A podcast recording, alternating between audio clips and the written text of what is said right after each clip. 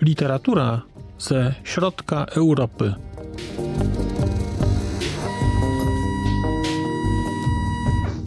Podcast około książkowy.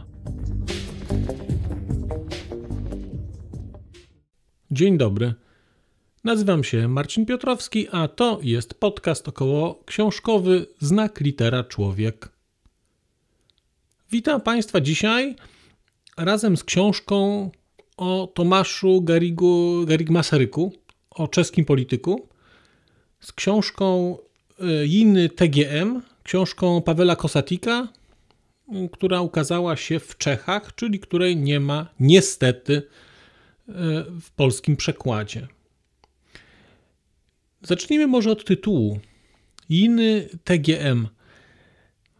Żeby to rozszyfrować, to warto powiedzieć, że skrót TGM, ten skrót od Tomasza Gariga Masaryka, skrót TGM jest w czeskiej w czeskim kontekście do, doskonale znany. To znaczy, wszyscy wiedzą, kto to był TGM, i bardzo często o Masaryku w ten sposób się pisze. Używa się po prostu skrótowo TGM. Inny oznacza inny, i to jest w ogóle trochę kontekst tej książki, zmieniający postrzeganie tej postaci, o którym, o którym nieco później powiem. Ta książka trafiła do mnie nieprzypadkowo, bo zdecydowałem się, że poczytam coś o Masaryku całkiem niedawno, kiedy przeczytałem książkę o jego synu, też po czesku, i ta książka też będzie bardzo wkrótce, będę o niej opowiadał.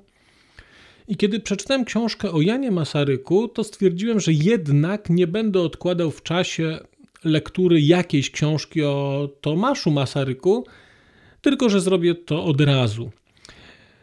Do lektury czegokolwiek o Tomaszu Masaryku się przymierzałem już dawno, natomiast to nie jest takie w Polsce oczywiste. Nie jest to takie oczywiste dotarcie do tych książek. Wydana przez książkowe klimaty jakiś czas temu książka Karela Czapka, e, rozmowy e, z Tomaszem Garigiem Masarykiem, jest trudno dostępna.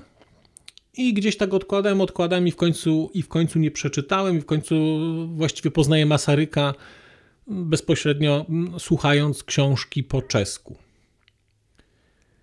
Jest to książka, ale może jeszcze zanim o książce, powiedzmy o Masaryku, jeszcze dwa słowa może. Tomasz Garik Masaryk to jest, to był czeski polityk, właściwie polityk, no powiedzmy czeski, który był ojcem Czechosłowacji. To był człowiek, który, można byłoby powiedzieć, przeprowadził Czechów przez końcówkę wieku XIX, przeprowadził ich przez I wojnę światową, doprowadził do utworzenia państwa czechosłowackiego i później był właściwie do śmierci w roku 1937 chyba, był mm, osobą, która właściwie mm, była odpowiedzialna za to państwo i na której obowiązki związane z byciem jego głową do końca ciążyły, właściwie do, do śmierci. Myślę, że polskim kontekście kulturowym i historycznym gdzieś blisko byłoby tutaj do postaci Józefa Piłsudskiego, też osoby, też takiego naczelnika, osoby, która bardzo mocno wpłynęła, która była jednak oczywiście inna od Masaryka, natomiast jeżeli chodzi o wagę postaci, o wagę, o, o siłę wpływu tej postaci na kształt państwa, na, na kształt państwa w wymiarze fizycznym, na kształt państwa w wymiarze instytucjonalnym, prawnym, obyczajowym, to wydaje mi się, że gdzieś tutaj te, te paralele jakieś by były. Kiedy mówię o tym, że ta książka jest, e, ma w tytule inny, czyli inny, to to jest taka książka, która jest książką bardzo Masaryka odbrązawiającą. Trudno mi powiedzieć na ile dlatego że nie znam, y, do tej pory nie czytałem innych biografii Masaryka, takich, które byłyby jakieś takie bardziej, nie wiem jakby to powiedzieć, monumentalne, czy jakieś takie mm, tworzące jakiś Bóg wie jaki wzór tej postaci. Tutaj jest wiele rzeczy mówionych w sposób nieoczywisty i łamiących takie tabu to jest za duże słowo chyba, ale pokazujących rzeczy w nieco innym kontekście niż przyjęło się do tej pory na nie patrzeć. I sama konwencja tej książki taka jest. Ta konwencja tej książki jest tak, taka, że tytuły rozdziałów i nawet tytuły, tytuł książki jest, e, tam jest tak zastosowane rozwiązanie typograficzne przekreślenia. W tytule książki są przekreślone nazwiska inne i często w tytułach rozdziałów one też są przekreślone i jest tytuł rozdziału przekreślony i potem jest czytany poprawny rozdział, czyli coś jest powiedziane tak, potem ktoś mówi nie i jest mu podawany drugi tytuł rozdziału. I te tytuły rozdziałów są właśnie one zmieniają trochę ten kontekst, bo zamiast mówić e, na przykład, no nie wiem, gdybyśmy powiedzieli, powiedzmy o, mm, o relacjach, e, relacjach e, Bolesława Bieruta ze Związkiem Radzieckim. Powiedzielibyśmy na przykład, byłoby napisane prawdziwa przyjaźń. Nie, prawdziwa podległość. To mniej więcej tego typu rozwiązania są tutaj dosyć często stosowane. Od poziomu tytułu przez y, konsekwentnie przez bardzo, przez bardzo wiele rozdziałów. Więc w tym kontekście ta książka jest prawdziwa i ona też pokazuje, wydaje mi się, poprzez te przekreślenia dla osoby, która nie zna szerszego kontekstu, tak jak ja nie znam, nie jestem specjalistą od historii Czech, mm, to ta książka pokazuje mniej więcej, y, jak pewne rzeczy były do tej pory pokazywane, i wydaje mi się, że na tym też polega trochę jej, jej, taka, jej taka innowacyjność i taki charakter odkłamujący, odbrązawiający i taki pokazujący bardziej prawdziwego, prawdziwego człowieka. Byłem tą książką bardzo, ona mi się bardzo podobała, ale nie wiem na ile ona mi się podobała jako książka, a nie wiem na ile byłem ujęty po prostu, ujęty postacią Tomasza Garrigue-Masaryka, bo jest to postać naprawdę zupełnie wyjątkowa czytając książkę, wiedziałem, że będę czytał książkę o osobie, która jest z punktu widzenia czeskiego, czechosłowackiego ważna. Ale nie sądziłem, że aż tak. I wydawało mi się, że będę czytał książkę o obcym człowieku, który funkcjonuje w obcej kulturze, w innych czasach, w innym miejscu a jednocześnie ten człowiek stał mi się bardzo bliski, do tego stopnia, że ja tej książki wysłuchałem dwukrotnie, a to nie jest, nie jest e, krótka książka. Wysłuchałem tej książki dwukrotnie i wiem, że na pewno będę w ogóle do tej postaci wracał, bo ona stała się dla mnie w jakimś stopniu, dołączam ją do takiego grona takich osób, które są gdzieś dla mnie jakoś inspirujące, które, które gdzieś tam mnie popychają, czy kiedy podejmuję jakieś działania, zastanawiam się, co takie osoby mm, gdzieś by zrobiły. Trochę to one mnie motywują do jakiegoś myślenia o różnych rzeczach w różny sposób. To grono, nazwijmy to, nie jest szerokie, no ale powiedzmy, że Masaryka gdzieś tam dołączam do takiej postaci, która jest pozornie dosyć odległa, na przykład generała George'a Pattona, którego, którego bardzo cenię, który właściwie przez bardzo długi czas, właściwie cały czas do tej pory, przez już przez kilkanaście długich lat mojego życia, gdzieś jest dla mnie inspiracją w wielu moich wyborach życiowych. No więc Masaryk taki jest. I pytanie dlaczego? W ogóle ta postać mnie zachwyciła, dlatego że to jest, jak się tak na to spojrzy i zobaczycie Państwo, do Masaryka przyznają się przede wszystkim Czesi. Natomiast on stworzył państwo czechosłowackie i zasadniczo był to, to jest niesamowite, to był morawski Słowak. To był morawski Słowak, który funkcjonował potem w kontekście czeskim i to był człowiek, który już w XIX wieku bardzo jasno stawiał kwestię słowacką i bardzo jasno mówił, że w ogóle mm, Czesi bez Słowaków nie funkcjonują. On to troszeczkę tam oczywiście sobie podkręcał. Tam jest cały taki wątek tego jego, nazwijmy to, takiej wypieranej słowackości, jakoś ukrywanej. On tych Słowaków później traktował, y, starał się przedstawiać w okolicach konferencji pokojowej na przykład jako Czechów, którzy tylko jakoś inaczej mówią, posługują się dialektem, ale miał na to takie bardzo, bardzo szerokie spojrzenie i takie dosyć nowoczesne w kontekście szczególnie pierwszej połowy XX wieku, gdzie pojawiały się te wątki narodowe, gdzie pojawiała się rywalizacja.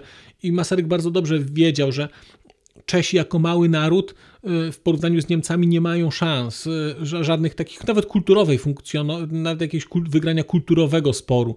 Natomiast Czesi i Słowacy to już są dwa, y, ten naród już jest, ten kraj jest już dużo, jest dużo większy. Więc jest to morawski Słowak.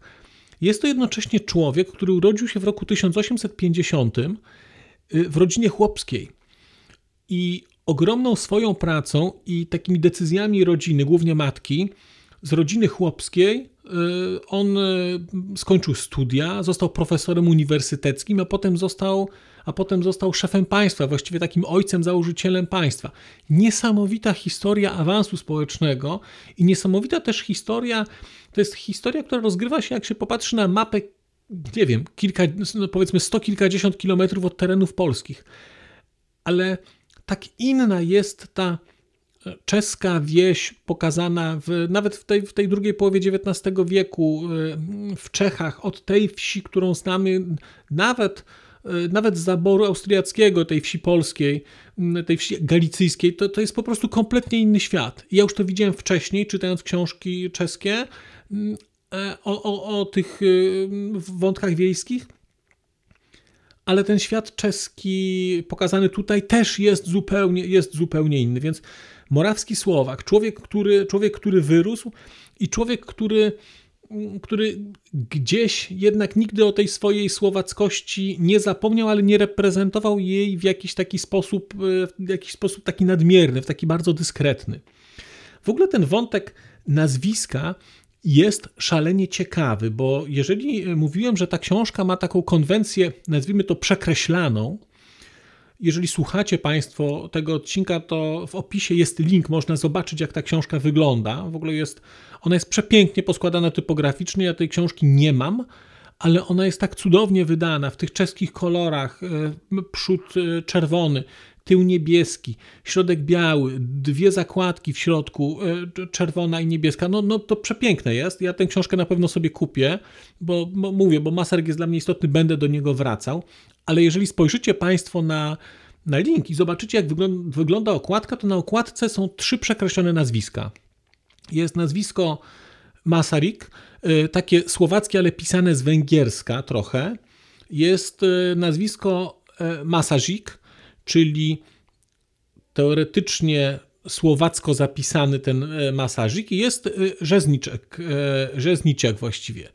I to jest tak, że oczywiście kiedy Masaryk zaczął funkcjonować w kontekście czeskiej polityki mm, i zaczął mówić Czechom nieprzyjemne rzeczy o nich samych, to znaleźli się tacy ludzie, którzy postanowili grzebać w nazwiskach i to jest niesamowite, że niezależnie od kontekstu historycznego, jeżeli ktoś tylko zaczyna być krytyczny wobec swojego mm, narodu czy społeczeństwa, zawsze znajdują się ludzie, którzy szukają prawdy w nazwiskach y, y, poprzednich pokoleń, zwłaszcza jak muszą jeszcze sobie pofałszować, to bardzo to lubią, ale to jest niesamowite, więc oczywiście zebrała się grupa ludzi, która zarzucała, zarzucała Masarykowi, że właściwie to powinien się po czesku nazywać e, e, rzeźniczek. I ta, ta nazwa nie jest przypadkowa, bo słowo masaryk, on się nazywał masaryk, ale to te, te, te, zarzuty szły po takiej linii, że właściwie powinien się nazywać po słowacku masażyk, czyli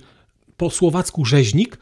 Odpowiednikiem tego w języku czeskim powinien być rzezniczek, i że tak naprawdę on zmieniał nazwisko, że cały taki kontekst ukrywania i tak dalej, i tak dalej. No możecie sobie Państwo wyobrazić, bo mm, takie eksperymenty na nazwiskach są robione cały czas w Polsce. Jak mówię, to, są te, te, same grupy. Mniej więcej czasy się zmieniają, ale ludzie się ni niestety, mm, niestety nie zmieniają.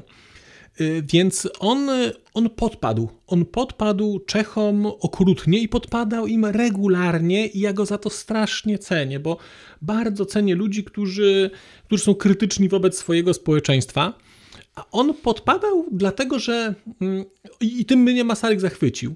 On mnie zachwycił taką przez całe swoje życie taką ogromną intelektualną, y, takim przywiązaniem do wartości intelektualnych myślę sobie, że jeżeli mm, są Państwo gdzieś mm, w głębi duszy humanistami, to odkrycie postaci Masaryka to jest w ogóle, to, to, to, będzie, jeżeli Państwo coś o nim przeczytacie, to odkryjecie kogoś niesamowitego. Odkryjecie osobę, która, która właściwie stawiała prawdę na pierwszym miejscu, która dla tej prawdy była w stanie ryzykować bardzo wiele, konfliktów również, stawała po stronie słabszych, ale stawała mm, zawsze po stronie mniej popularnej, ale nie tak dlatego, żeby po prostu kruszyć, tylko dlatego, że uważała, że to jest, to jest słuszne. mnóstwo wyborów życiowych Masaryka, stawania po bronienia osób słabszych, bronienia, bronienia Żydów, wykazywania mm, nieracjonalności, żeby nie powiedzieć głupoty, pewnego rodzaju, mm, pewnego rodzaju poglądów i tak dalej. On konsekwentnie to robił, no ale zaczęło się to, zaczęło się to od takiej sytuacji związanej z taką czeską historią, dlatego że nie wiem, czy Państwo wiecie, ale y, na początku XIX wieku Wacław Hanka i Józef Linda w roku konkretnie 1817 odkryli coś, co w tej chwili funkcjonuje jako mm, nazwę taką ma. Mówi się o tym rękopis y, królowodworski. Y, po czesku to jest rukopis kralewodworski. Rok później odkryli, y, odkryli tak zwany rękopis zielonogórski, czyli rukopis zelenochorski. Natomiast to nie jest Zielona Góra w Polsce, tylko, tylko to, jest, to są okolice w Czechach. I te dwa rękopisy, datowane na, na takie późne średniowiecze, mm, to były takie jakby romanse rycerskie, y, które stanowiły właściwie przez w pierwszej połowie XIX wieku były takim mitem założycielskim trochę takiego odnowy państwa czeskiego. To był taki czeski ruch budzicieli, oni z tych, z tych rękopisów korzystali, starali się mm, trochę, można powiedzieć, ku pokrzepieniu serc, powiedziałbym, z naszego kontekstu podnieść, coś stworzyć, pokazać tę czeską kulturę funkcjonującą wcześniej. Mm, bardzo im się to zresztą powiodło, to znaczy ten ruch miał wpływ, y, to, to wszystko gdzieś tam w Czechach ruszyło. No ale już, y, już kawałek później, ze 20 lat później, okazało się, że są bardzo poważne zarzuty. I później okazało się, że te rękopisy to są, to, to są fałszywki, to są po prostu falsyfikaty, które oni sporządzili które są całkiem sensownymi falsyfikatami i dla, że tak powiem, mm, gawiedzi wystarczały, no ale ludzie, którzy zawodowo zajmują się językiem na przykład średniowiecznym, no to z łatwością mm, odkryli tam po prostu brednie, żeby nie powiedzieć bzdury i, mm, no i za, za, zakwestionowali poprawność tych, po, y, tych rękopisów i w ogóle ich wiarygodność. I ta sprawa się w ogóle ciągnęła e, w XIX wieku. Oczywiście, jak się możecie Państwo wyobrazić, no zaraz się okazało, że no niby tak, no wicie, rozumicie, no ale to tak naprawdę dla narodowej sprawy to robimy i tak dalej. No i później wmieszał się to w Masaryk, który w taki typowy swój akademicki sposób się też włączył do tej dyskusji i tam bardzo jasno powiedział, że, że to jest po prostu podruba ściema i w ogóle nie ma o czym mówić. No i obrońcy narodu y, i, y, i narodowości oraz historii i przekonania o wielkości Czechów mu tego, mu tego nie, nie wybaczyli. No ale cały wątek jest w ogóle fantastyczny, bo w ogóle pokazuje taką jednak nie, takie niesamowite przywiązanie Masaryka do wartości, do prawdy. On przez to całe życie cierpiał i on przez to całe życie zbierał, bo był usuwany z uniwersytetu, bo mu różnych rzeczy zabraniano robić, y, bo stawał się wrogiem publicznym, on i jego rodzina. O tym będę mówił przy okazji drugiego odcinka o Masaryku, o jego synie. Mm, natomiast to był taki chłodny racjonalista w gruncie rzeczy. I on nie brał pod uwagę tego, że te, te, takie rzeczy mogą być ważne dla ludzi w innym kontekście. To znaczy, jak ktoś robił dokument i mówił, że ten dokument był prawdziwy, to on był fałszywy, no to o czym tu mówić? No i, no i to jest takie ciekawe w sumie trochę, bo jak to sobie tak o tym myślałem, no to myślałem sobie rzeczywiście, no ktoś ewidentnie kłamał, tam bzdury opowiadał. No ale intencje też się liczą, to znaczy ludzie zrobili to po to, żeby Mm, żeby gdzieś zacząć budować jakąś narrację wokół, y, wokół tożsamości czeskiej, żeby budować narrację wokół tożsamości narodowej. No, no jest to. Jest to y, bardzo ciekawe, no ale w tym kontekście ten Masaryk tam się pojawiał taki, no, bardzo chłodny, poprawny pan, ale mówiący niefajne rzeczy. No i za to, za to, płacił, za to płacił cenę. Płacił cenę za mnóstwo innych rzeczy. Masaryk był, można byłoby powiedzieć, na takim poziomie na przykład przekonań, on był wychowany w takiej bardzo głębokiej katolickiej wierze, ale on ten katolicyzm odrzucił, taki katolicyzm klasycznie konfesyjny, można byłoby powiedzieć, on go odrzucił i starał się w ogóle zbudować własną religię. I to jest, przyznam, że jak ja to czytałem, to było to dla mnie bardzo bliskie, bo sama idea na przykład, nazwijmy to świeckiej religii, jest szalenie interesująca, religii, w której istotna jest prawda. Natomiast no, Masaryk na przykład nie, po, nie mm, przez jakiś czas bardzo go wspierali mm, czescy protestanci dlatego że no, on dosyć krytycznie wypowiadał się y, i o klerze, i o kościele katolickim. No, ale oni nie wzięli pod uwagę, że, że, że dla Masaryka nie ma świętości y, specjalnie wielkich i również tam y, specjalnie jakieś te niespecjalnie czasami lotne albo bardzo mocno przywiązane do pewnych wartości grupy protestanckie no też, też od niego oczekiwały pomocy, a on no, wcale tej pomocy nie dał, no bo on po prostu bardzo konkretnie się odnosił też do, się też do ich, e, do, do ich wizji świata, wizji kościoła i tak dalej. Tych rozdziałów jest w tej książce kilkadziesiąt. Przyznam, że kiedy e, zastanawiałem się, o których opowiedzieć, to słuchałem tej książki po raz drugi i powiem, mówiłem sobie, och, opowiem o tym. A potem mówiłem, nie, opowiem o tym. Nie, nie, nie, opowiem o tym. I potem tak właściwie stwierdziłem, że e, przy dwóch trzecich rozdziałów powiedziałem sobie, że to jest ta historia, którą muszę opowiedzieć. Natomiast no nie będę Państwu tych historii opowiadał. E, wątpię, żebyście Państwo mieli okazję tej książki, e, tej książki posłuchać czy poczytać. Natomiast jeżeli Państwo znacie język czeski, to bardzo Państwu do tej książki zachęcam. Zachęcam też do zapoznania się w ogóle z postacią Tomasza Garig Masaryka ultra interesująca postać, szczególnie dla osób obdarzonych jakąś wrażliwością humanistyczną, to wydaje mi się, że poznanie tej postaci będzie, będzie dużą wartością. Ja na pewno do tej postaci wrócę, wrócę do Masaryka, bo, bo już zacząłem sobie skupować jakieś jego starsze książki, które ukazały się też po polsku, bo on był szalenie wizjonerski w, swoich wizji, w swoim myśleniu o Europie, o, o Związku Radzieckim o sprawach równościowych, o kwestiach kobiet, no tego jest, tego jest mnóstwo i te myśli są nadal bardzo aktualne. To znaczy, no nie ukrywam, że ja trochę Czechom zazdroszczę, że mają takiego polityka, który, którego, którego spostrzeżenia sprzed 100 lat są nadal aktualne, a one w ogromnej mierze są aktualne. Oczywiście Masaryk się w wielu rzeczach też mylił. E, wiele rzeczy niepoprawnie ocenił, no ale, no ale ja patrzę historycznie, my patrzymy z perspektywy 100 lat, on od tej perspektywy e, nie miał. Mówię, wrócę do Masaryka, na pewno wrócę do Państwa z książkami o Masaryku, bo wiem, że jest jakaś polska biografia, e, natomiast jest też książka Karla Czapka, który był bardzo blisko się przyjaźnił z Masarykiem, to są te rozmowy z TGM i ja tę książkę zdobędę i na pewno się z nią u Państwa pojawię. Tymczasem zachęcam Państwa bardzo do poczytania w Wikipedii, e, do poczytania czegokolwiek o Masaryku. Bardzo interesująca postać, bardzo wartościowa i też wydaje mi się, że czytając o Masaryku bardzo dużo też dostaniecie Państwo takiego kontekstu czeskiego, kontekstu środkowoeuropejskiego, zupełnie innego niż polski, bo ten kontekst czeski, zwłaszcza, zwłaszcza upadek upadek Cesarstwa Habsburskiego w, perspektywie czeskiej to jest w ogóle inna historia. To jest coś niesamowitego, że to jest po prostu jedna granica, która dzieli i ta granica opowiada całkowicie różne historie po jednej i po drugiej, po, po drugiej stronie.